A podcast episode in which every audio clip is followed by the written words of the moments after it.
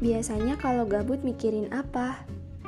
Mikirin kenapa telur kalau ditaruh di kulkas cair, tapi kalau kita rebus malah beku. Atau kalau kertas lawan batu menang kertas, terus kalau orang tawuran kenapa nggak bawa kertas? Atau ini, siapa penemu jam dan jam berapa penemu jam itu menemukan jam?